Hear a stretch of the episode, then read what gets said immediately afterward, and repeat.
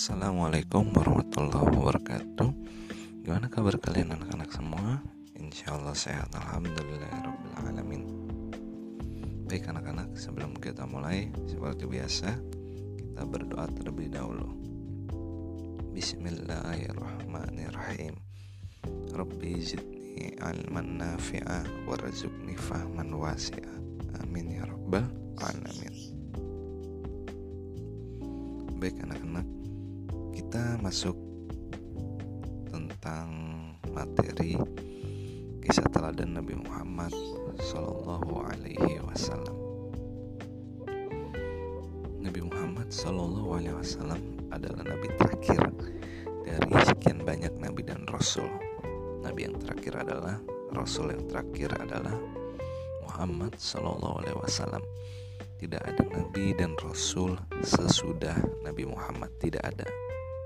Nah, berarti kalau ada yang ngaku-ngaku nabi di zaman sekarang itu adalah nabi pal nabi palsu dan hukumnya dosa besar.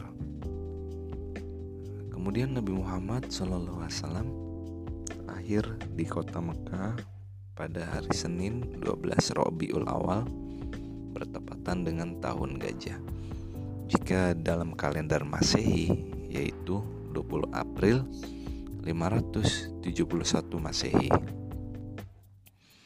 Nabi Muhammad lahir sudah dalam keadaan yatim, yaitu tidak mempunyai bapak atau ayah. Ayahnya bernama Abdullah meninggal dalam sebuah peperangan ketika Nabi Muhammad masih di dalam kandungan. Kemudian ayahnya Abdullah bin Abdul Muthalib tidak meninggalkan harta benda yang banyak untuk diwarisi keluarganya. Ayahnya hanya meninggalkan beberapa ekor unta saja.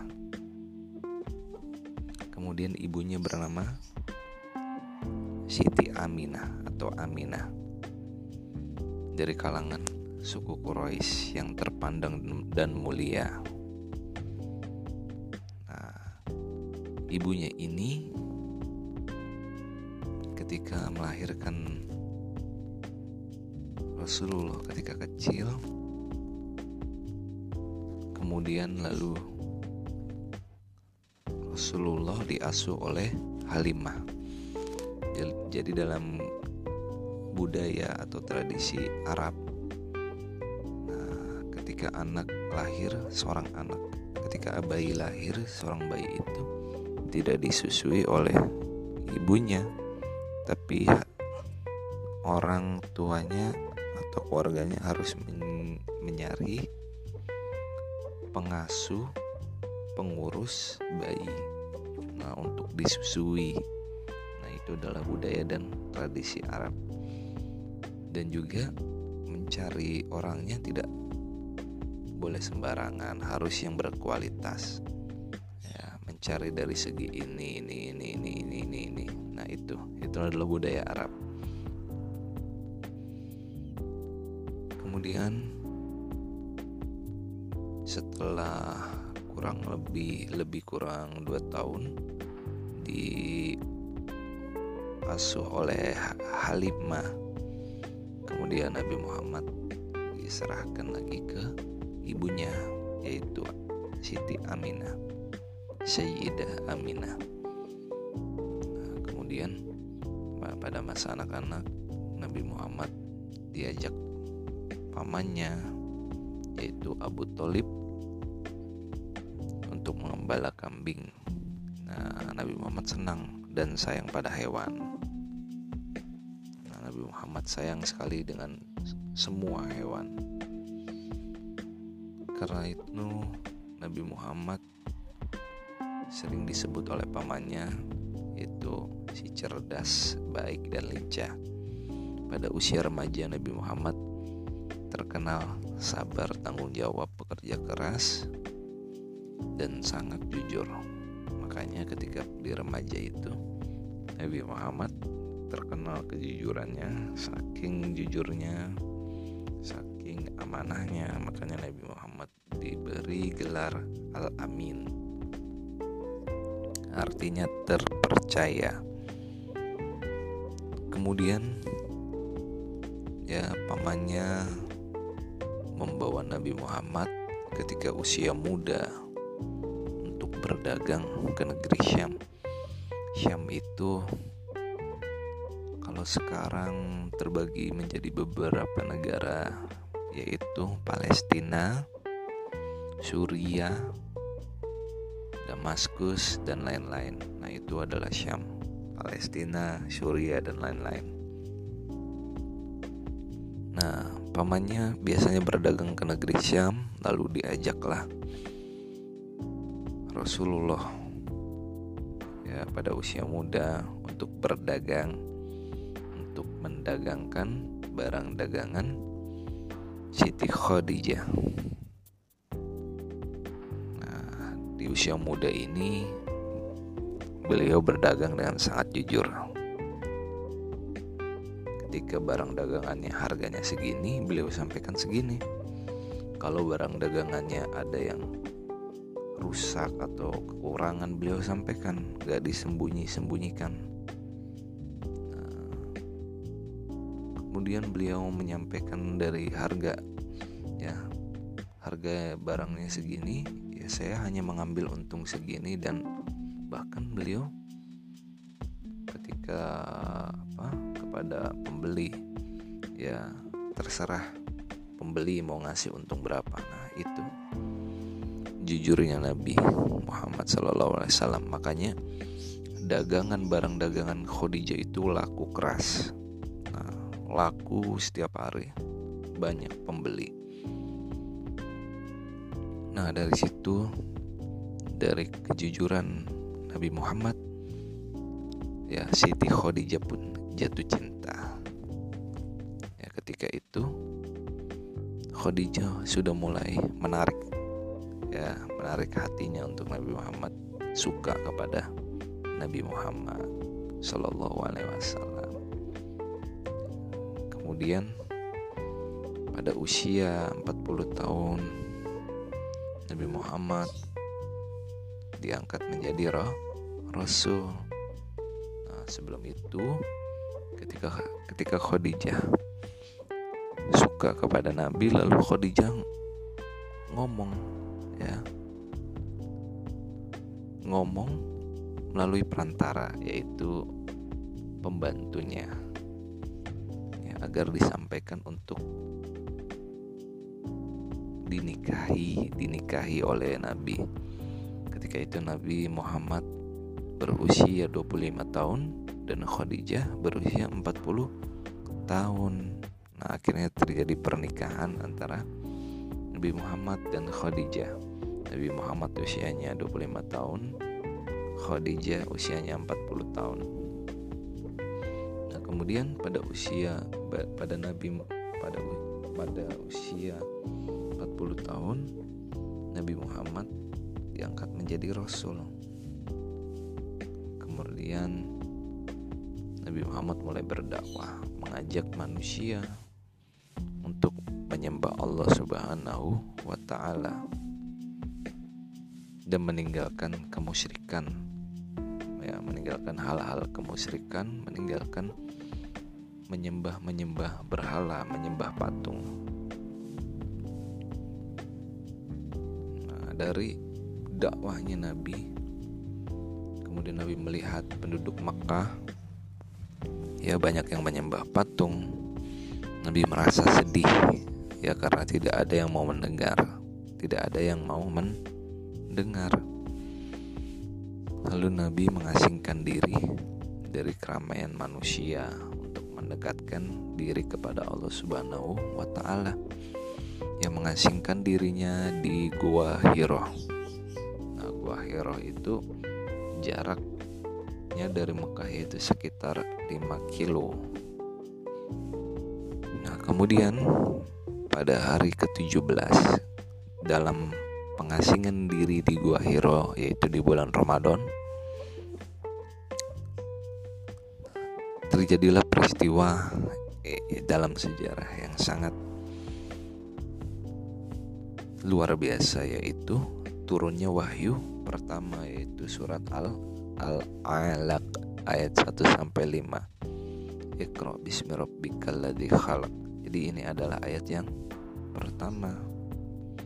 Ya, kemudian Nabi Muhammad ketika menerima wahyu ya datang malaikat Jibril untuk menyampaikan wahyu Nabi kaget. Nabi kaget karena baru pertama kali melihat Jibril alaihi salam.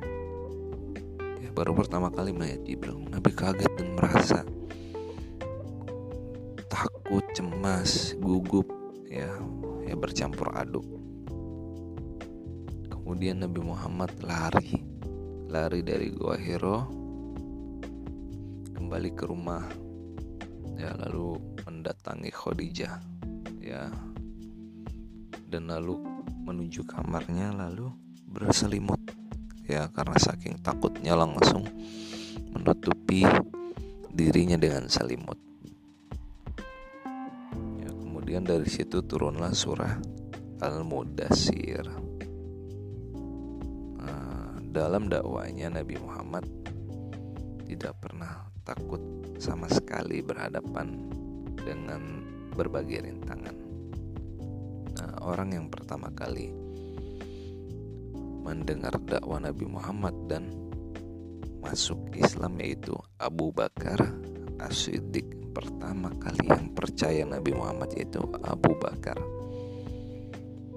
Ya, dakwahnya bukan hanya dihadang atau diancam dibunuh akan dibunuh oleh orang-orang Quraisy saja, tapi dari kalangan keluarganya yaitu Abu Jahal. Ya. Ya sangat membenci Rasulullah Shallallahu Alaihi Wasallam. Nah, bahkan Nabi Muhammad ya mempunyai rintangan yang sangat besar dalam berdakwah.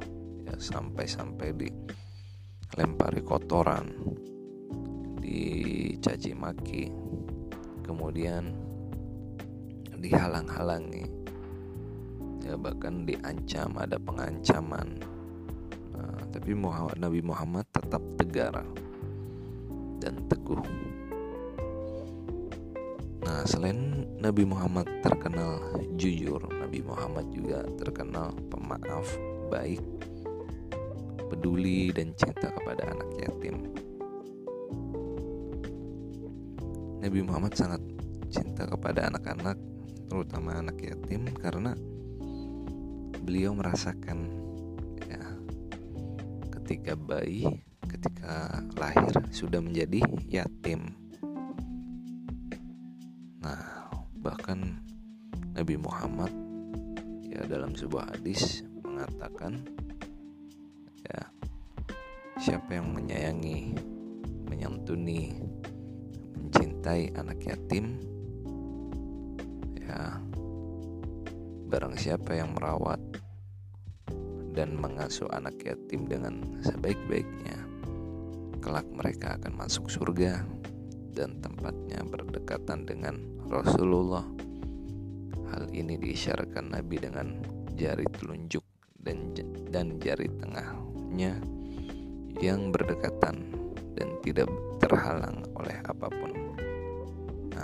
Itu orang yang menyayangi, mengasihi ya anak yatim nanti akan dekat dengan Nabi di surga seperti jari tengah dan jari telunjuk saking dekatnya. Begitu pula cinta Nabi Muhammad kepada umatnya. Nah, dan Nabi Muhammad itu sangat menyayangi umatnya sampai hari akhir hari kiamat sampai nanti di padang masyar. Nah, beliau selalu menunggu umatnya dan berdoa untuk umatnya. Nah, Nabi Muhammad adalah nabi terakhir, makanya disebut Khotimul Ambia atau Khotamul Ambia, penutup para nabi dan rasul. Ya, tidak ada nabi dan rasul setelah Nabi Muhammad Shallallahu Alaihi Wasallam. Nabi Muhammad diberikan wahyu banyak. Salah satu wahyu terbesarnya yaitu Al-Quranul Karim. Ya, sampai sekarang Al-Quran adalah sebagai mukjizat Muhammad Shallallahu Alaihi Wasallam. Kalau nabi-nabi terdahulu, ketika nabi-nabi terdahulu wafat, nah, kitab-kitabnya sudah tidak ada. Tapi berbeda dengan Nabi Muhammad. Ketika Nabi Muhammad wafat, Nabi Muhammad sudah tidak ada, tapi kitabnya masih ada nanti sampai hari kiamat. Nah, itu adalah salah satu mukjizat terbesar Nabi Muhammad Sallallahu Alaihi Wasallam. Oke, baik anak-anak, ini saja dari Pak Angga. Kurang lebihnya mohon maaf. Assalamualaikum warahmatullahi wabarakatuh.